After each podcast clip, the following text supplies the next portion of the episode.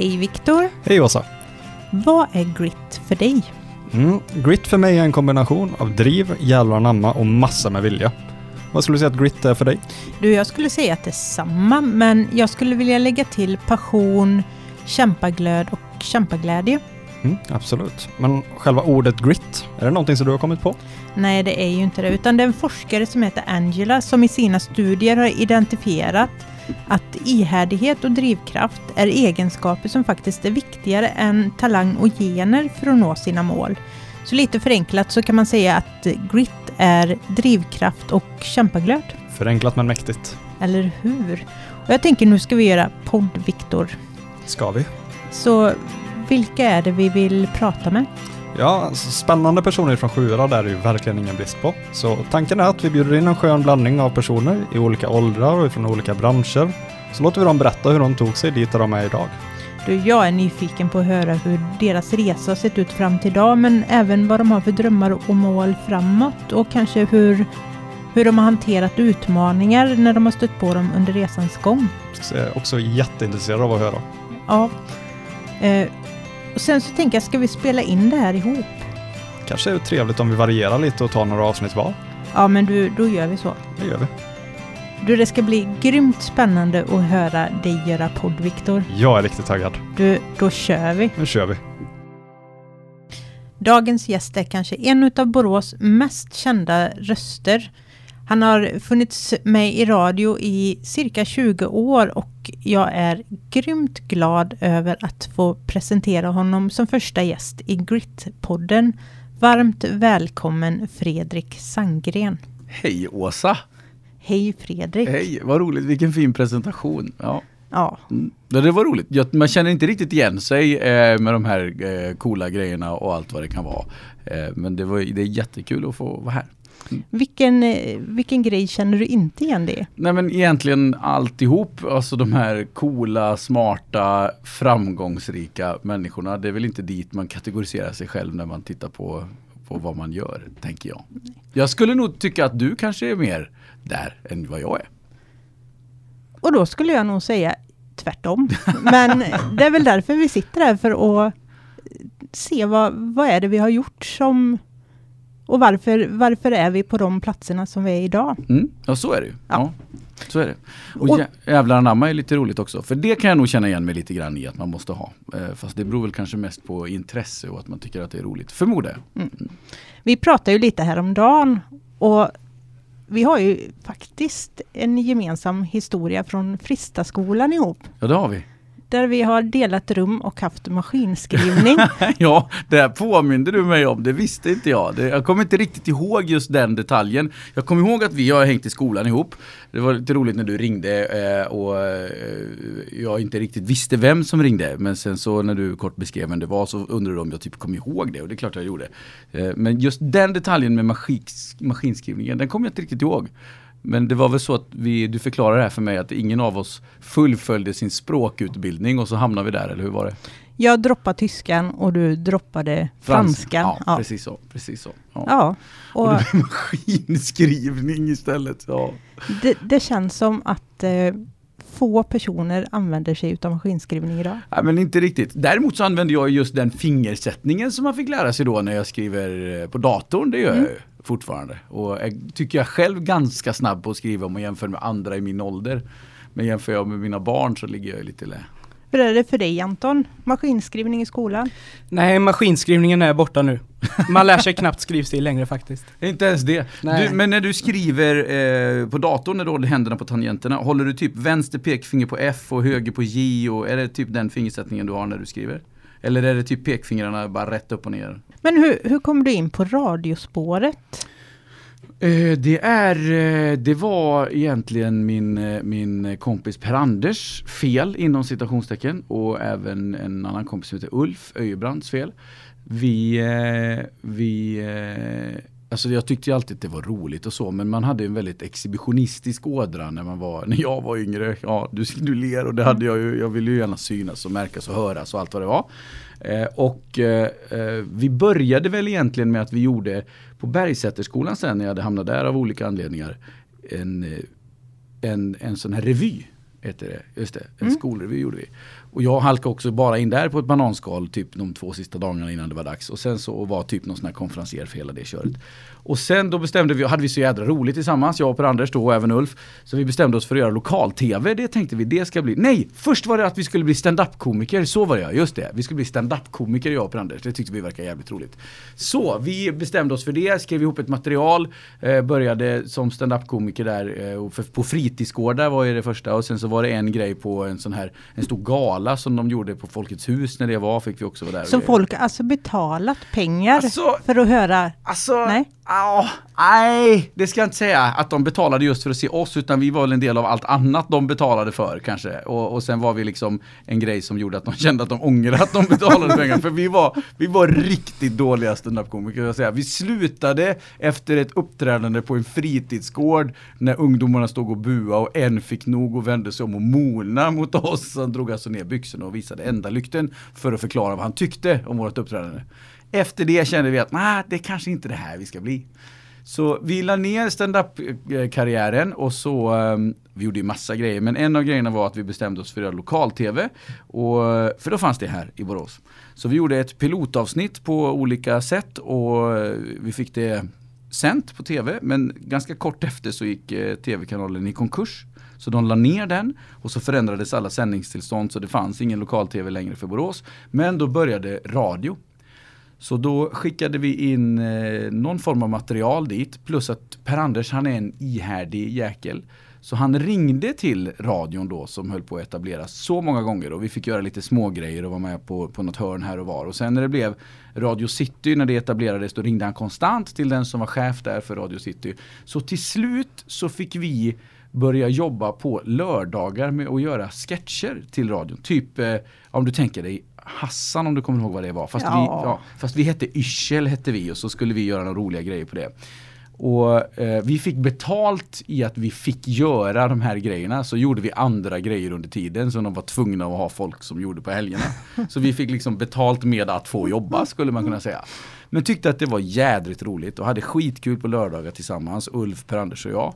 Eh, och sen så frågade de mig om jag ville börja som, det hette ungdomspraktikant på den tiden. Eh, och sen efter det fick jag anställning och sen på den vägen var det. Och det här var 1994 och 95. Mm.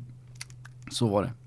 Så jag gjorde en del andra grejer parallellt också med det här för det var liksom inte hundraprocentigt arbete direkt och sådär. Men mycket radio och ja, nej, på det, så, så blev det. Nu tänker jag, nu har vi ju Anton här som... Du har gjort ditt gymnasieval, eller hur? Ja, det har jag gjort. Ja. Men jag tänker om man är ung idag och vill ta sig till radion. Mm. Man tycker att det här är bland det coolaste som finns, prata i radio. Mm. Vad, vad är ett första steg? Och det första är ju att höra av sig till oss då givetvis. Så är det ju. Mm. Eh, så funkar det ju alltid. Ehm, Man ska inte utbilda sig i åtta år? Nej men alltså eller? om jag Nej. tänker mig i Antons fall då, han har ju sin gymnasieutbildning framför sig. Och så jag säger gå gymnasieutbildningen men sen så är inte jag, alltså om, om jag jobbar med kommersiell radio ska sägas. Det skiljer Mm. sig lite från om vi tar och tittar på Sveriges Radio. För är det så att du vill ha en inriktning mot Sveriges Radio till exempel, då kan jag verkligen rekommendera journalistisk utbildning. Och det behövs även inom kommersiell radio fast kanske inte i riktigt lika stor utsträckning. Så, och en journalistisk utbildning är aldrig fel för att det är en otroligt bra utbildning och man får koll på grejer och vet hur man gör för att få mer information. Och, och vad man får göra för att få mer information, kanske också framförallt. Så om du, det är den aspekten så kan jag rekommendera att du väljer någonstans då för att kunna ta en journalistisk utbildning. Men är det så att Alltså jag har ju inte det. Jag, jag har ju aldrig läst journalistik på det sättet utan det är ju enstaka kurser och det ena med det andra. Sen har det varit lite learning by doing. Eh, levt lite efter devisen att det är lättare, eller bättre med förlåtelse än tillåtelse och därefter provat olika gränser. Men någonstans måste man ju komma in i branschen också. Och det var lite lättare när det drog igång på min tid för att då, då fanns det egentligen ingen norm över hur bra inom citationstecken man var tvungen att vara. Utan då behövde man inte vara fullärd direkt utan det var accepterat att inte vara det. Så fick man lära sig efterhand. Men i Antons fall då så så, så ska det nog egentligen vara att jobba mot relationen och erbjuda sig och kunna komma och hjälpa till och det ena med det andra. Säga att jag är intresserad, jag kan göra enkla grejer så länge och sen anamma det allt eftersom. Men om man vill testa på till exempel radio i det här fallet, så har ni då emot praoelever under högstadiet så man kan testa på lite olika yrken och sen därefter basera sitt gymnasieval på det? Det gör vi, absolut. Eh, självklart så ska det, och det tycker jag man ska göra. Det är viktigt för företag att ta emot praoelever. Inte bara för praoelevens skull utan även för företagets skull. Vi, jag lever ju Alltså när jag levererar min typ av program då levererar jag ju oftast från det som är upplevt från min egen del och också då utöver, ut, utifrån den kunskapsbasen som jag har. Men för att kunna leverera någonting som är intressant ifrån en yngre ja, publik då måste jag också få input därifrån och då kan praoelever vara en sådan grej till exempel. Då. Men vad skulle du säga är det viktigaste Ja, det är fullt, utöver utbildningen för att komma till att bli just radiopratare? Det, ja men det viktigaste är nog eh, ja, men din personlighet tror jag. En glad kille, en glad, intresserad, nyfiken kille tror jag skulle bli en grym programledare. Eh, det är nog mycket så tror jag. Härligt. Hmm. Men vad är viktigt för dig? Alltså, du gör radio. Mhm. Du pratar om eh, dagens ämne eller är det liksom, har du ett tema per vecka? Eller, alltså, vad, vad är viktigt för dig när du gör radio? Vad, vad är det som... Mitt, mitt, det viktigaste i mitt radioprogram det är väl egentligen att eh, spegla en vardag som man kan dels känna sig igen i men helst ska man ju bli underhållen Mm. när, man, när, man, när vi gör det här också. Och så får man addera på saker som vi tycker är roligt under tiden. Vi har en alltså, helt meningslös tävling mellan två arbetskamrater som bara tävlar mot varandra och det bygger egentligen på att de ska få göra ett straff om de är det The Böhm? The Böhm, ja precis. Busenkelt. Det är Carolina mot Lasse som tävlar mot varandra i en frågesport. Och det har ju ingenting med vardagsskildring att göra. Men det är ju för att det ska finnas ett underhållningsmoment i programmet. Och sen utöver det så har vi vad som var bäst och sämst igår som vi alltid pratar om. Och det är ju vardagsskildring. Så imorgon så kommer Bäst igår vara Det här, poddinspelning det här vad idag. var bäst igår, det var det här. Ja. Det kommer jag säga, absolut. Och sämst igår, ja det var det här. Nej jag skojar. Nej. nej, nej men, ja, men så är det. Och så, då är det vardagsskildring. Ofta handlar det i mitt fall då om mina barn. Alltså, de upptar ju stor tid av mitt liv. Och inte bara att de tar tid utan det är också det man man, man någonstans kommer ihåg mest från en dag för att det är så betydelsefullt och, och är så ja, känslomässigt berörande. I både positivt och negativt. Ja, ja, du fattar vad jag menar. Såklart. Ja, och så det ofta relaterar jag ju till det då till exempel. Men vad tänker du, har personer i allmänhet feluppfattningar eller fördomar om, om just radiopratare? Så ja, men du pratar i radion, vad gör du på riktigt? Det var Ja. ju ofta lite så bara, ja.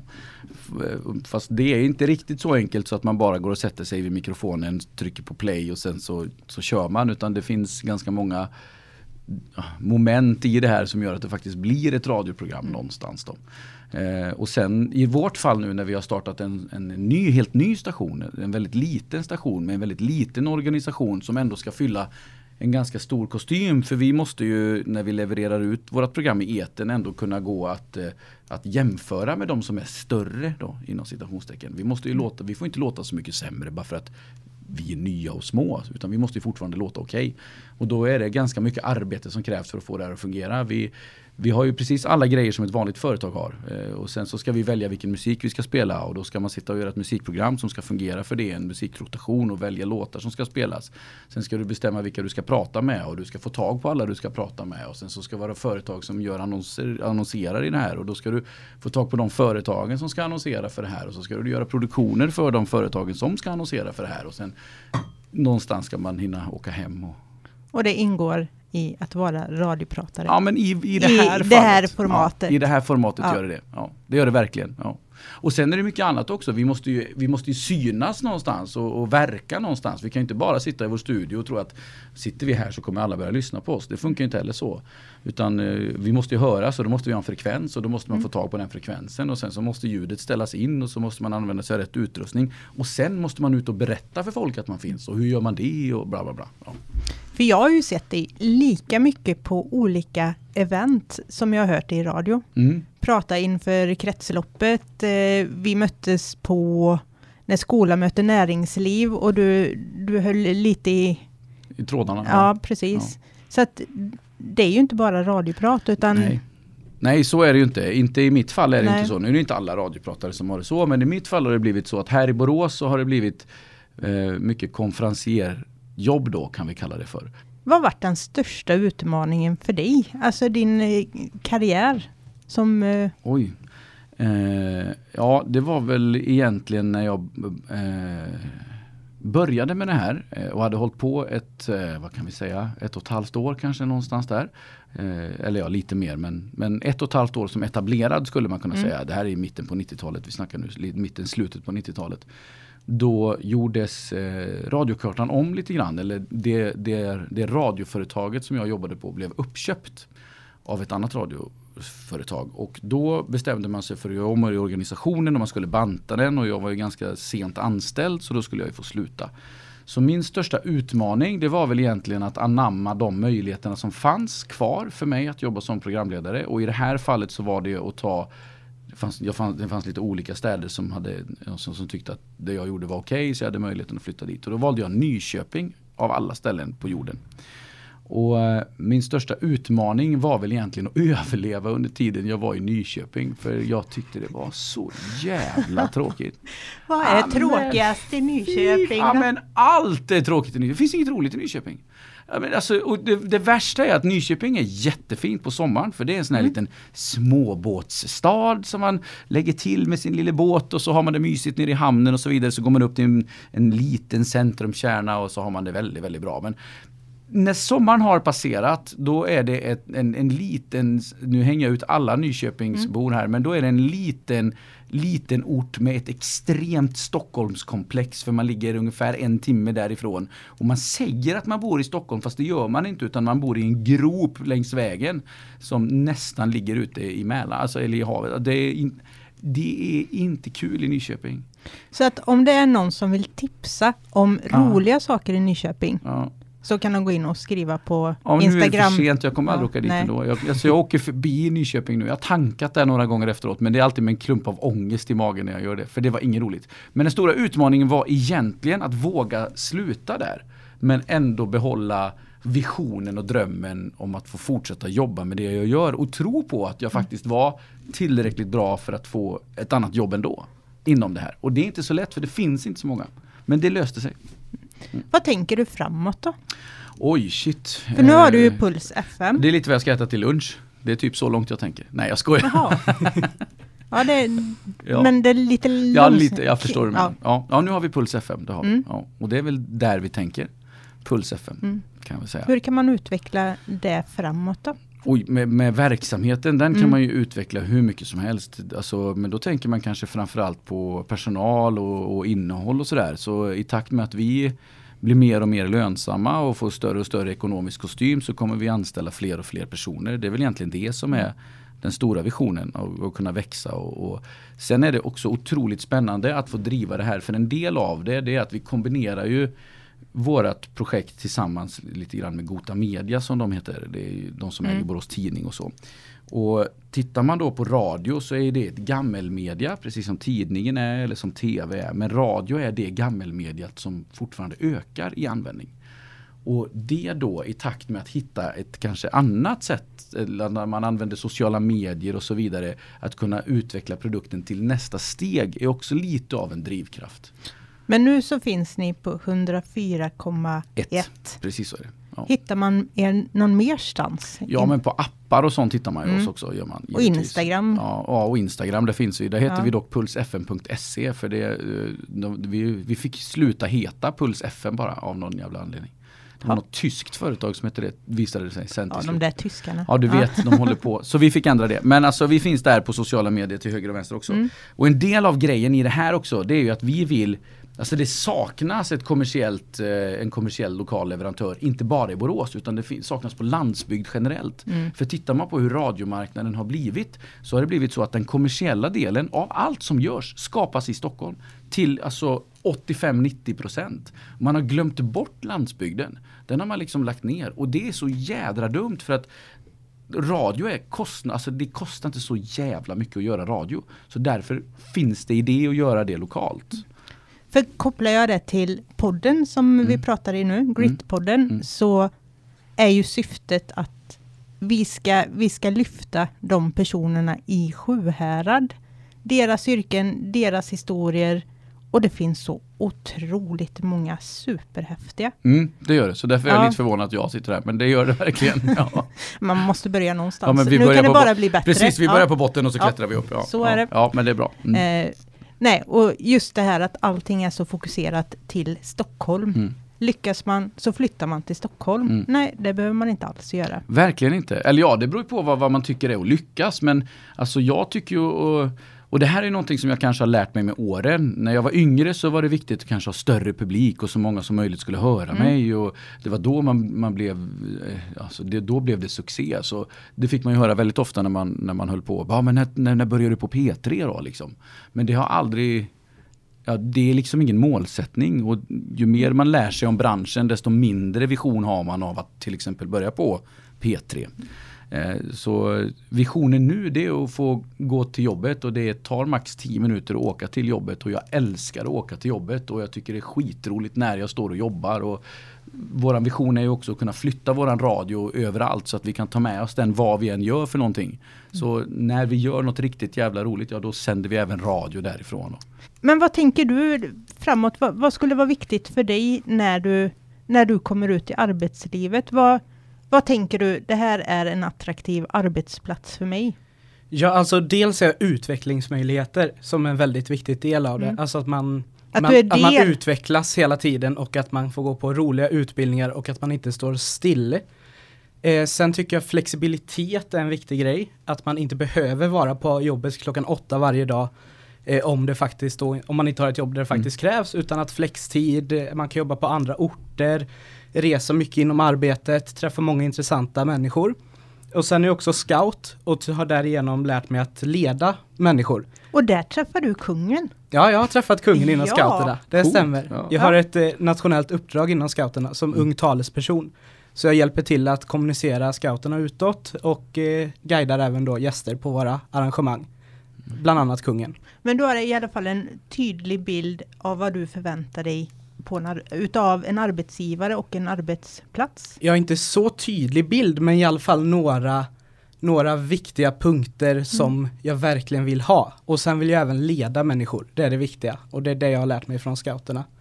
Så någonting chef, projektledare eller liknande där man får samarbeta och leda andra människor. Supergrymt, verkligen. Mm. Jag har en liten fråga också angående Hur framtidens... Eh, okej, g- ganska stor fråga då. Ja, ja. Ehm, för precis som du säger så är ju radio ändå ett gammelmedia. Mhm. Hur ska ni då få ungdomar mer intresserade av radio så att radio på ett långsiktigt håll kan, eh, kan överleva och även öka? Exakt den frågan fick vi ju 1994. Och, och det var ju hur ska vi få ungdomarna att lyssna mer på radio? För då lyssnade ungdomarna på CD-skivor eh, och så vidare. Eh, och sen så började ungdomarna lyssna till viss del på Spotify. Idag lyssnar ungdomarna på YouTube. Och du ställer också frågan som om att vi skulle tycka att det här är ett att vi har någon form av problem. Men vi upplever inte att radio har det problemet utan tvärtom. Vi ökar med någonstans mellan 10 och 15 procent i användande varje år. Så jag ska inte säga att det här sker per automatik men i takt med att man lägger mindre och mindre tid på att söka nya saker själv utan mer eller mindre vill bli serverad så kommer användandet av radio lite naturligt. Idag när man, när man lyssnar på musik, i mångt och mycket ska jag säga så är det är absolut inte alla över en kant men i mångt och mycket när det kommer till musik då om det är det som man är intresserad av, ja då, då lyssnar ungdomar, om vi kan kalla kategorin för det, eh, på Youtube. Det är jätte, jättevanligt. Spotify är inte riktigt lika stort men Youtube är väldigt, väldigt stort. Men det är när man fortfarande har tiden och intresset att söka det här själv. Att vilja upptäcka nya saker, ta del av andras influenser. Ju äldre man blir så lägger man fokus på annat. Då är det att du ska hämta barnen och du ska köpa mjölk och du ska hinna i tid till arbetet och du ska gå och träna och du ska hinna med allt sånt där. Och då lägger man mindre tid i fokus på att söka just den här musikdelen om man tittar på hur användandet ser ut. Och då blir radio det naturliga och enkla valet. Och sen är det också så, visar det sig att om du är intresserad av musik, poddar eller vad det än är, så är fortfarande radio navet i allt det här. Det är dit man återvänder och det är därifrån man börjar när man söker allt det andra. Så för att svara på frågan hur vi ska göra för att få ungdomarna att börja göra det här så tror jag att ungdomarna lite, land, lite grann tack vare mediets enkelhet kommer att söka sig dit själva. Men hur produkten kommer att låta, Det kommer de att styra sen när de har sökt sig dit. Mm. Så tror jag nog att det är. Och du tror också kanske att det kommer utvecklas lite i form av att man kanske gör mer nischade podcasts och liknande vid sidan om radion så man får det som just du är intresserad av och inte bara det här allmänna. Fast där Hela är, tiden. där är vi redan. Mm. Det jag tror att det kommer bli är att det kommer bli mer och mer nischade radiokanaler när allting sen är digitalt. Okej. Då kommer du inte välja radiokanal kanske beroende på att här får du mest variation av gamla och nya låtar utan då kanske du kommer välja radiokanal för att här pratar de om scouterna. Jag väljer scouterna FM för där pratar man från scouterna och så spelar man bra musik däremellan och varvar upp det med med eh, nyheter som har inträffat men fokus är scouterna. Jag kanske hade valt tennisradion då istället. Ja. Alltså jag blir informerad och underhållen men det är fokus på det jag älskar. Dit tror jag vi kommer komma sen. Mm. Men det vet jag inte. Och det är dit det är det ungdomarna då inom citationstecken kommer att styra. Tror jag. Spännande, tack så mycket. Varsågod. Det kom, Vilket jädra svar! Jag Ja. Har jag sagt det? Oh. Fem minuter, det är så det ska vara. Men du, Mm. nu kommer den där frågan. Hit me. Ja, är du redo? Ja. Ja. Nej. Ja. Alltid redo. Vi, vi har Tre fingrar. en scout i Mm. rummet. Ja. Ja. Eh, vilket har varit ditt bästa fusk, Fredrik? Du, jag, jag, jag, jag har ju fått förmånen att Mm. veta att du skulle ställa den här Mm. frågan till mig och har då funderat på vad mitt bästa fusk är. Det finns ju fusk inom många olika genrer. Mm. Eh, I yrket så vet jag faktiskt inte om det finns något fusk. Eh, man kan tycka att det kan vara fusk när man är dåligt förberedd och det ena med det andra. Eh, och man då har, har vissa genvägar för att kunna lösa det. Men jag vill inte kalla det för fusk utan jag vill kalla det för någon form av, eh, jag ska inte säga yrkeskompetens heller, men För jag tänker att ibland, framförallt kanske i skoltiden, Åh, jag fuskade på, fan på en längdåkningstävling en gång också. Man skulle åka, jag gena i skogen gjorde jag. Gjorde jag. jag sparade säkert tre minuter, det blir så jävla bra. Men ja, det kommer jag ihåg. Ja. Du hade ju, när vi satt och pratade häromdagen, när du pratade om din son och hans två kompisar på Leos lekland. Mm, Alltså, mm. den, den tar jag ju med mig. Hur de Ja, lekte och lekte och kompisen, den nya kompisen blev trött. Men de blev inte nej. Nej, Nej. precis. Och Ville och Folke, de sprang och åkte och sprang och åkte och märkte inte av någon utmattning överhuvudtaget. Medan Nils då, som kanske inte var li riktigt lika van att träna som, som eh, Folke och Ville är, han behövde vila ett par rundor. Och sen hakade han på igen, han hade vilat lite och började springa. Sen så stannade han och vilade lite och sådär. Medan Folke och Ville aldrig behövde det.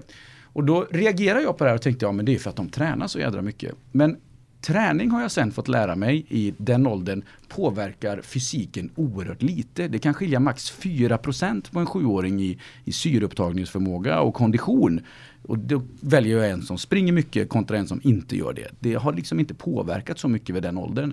Men det det däremot påverkar det är ju vanan att bli trött. Och veta att fast jag är trött så klarar jag av att springa ändå. Och det då skulle man väl kanske då, som Åsa säger, kunna översätta till grit. Att fast man känner att nej, det, det är riktigt jädra tungt nu. Och har man vetskapen om att fast det är det, så funkar det ändå. Så motiveras man kanske att göra det lite till. Och lite till, tills det har löst sig. Kan Ja. jag tänka. Så för att sammanfatta, det är viktigt att kämpa på fast att det är jobbigt och passionen och intresset. Om det står i fokus så men- klarar man ja, sig. Precis, och har du en gång när du har haft det jobbigt kämpat på och löst det så kommer du garanterat att möta hinder och svårigheter igen där det blir kämpigt och jobbigt. Men du får lättare att lösa det för du vet att det går. Det har varit sjukt roligt att prata med dig Fredrik. Tack Åsa. Vi vet lite mer om din radioresa Mm. och vi tackar Anton som har ställt otroligt smarta och bra frågor. Tack så mycket. Tack för att jag fick vara med. Ja, Tack för att du tackar. Och- Varsågod. Tack för att jag fick komma. tack så mycket.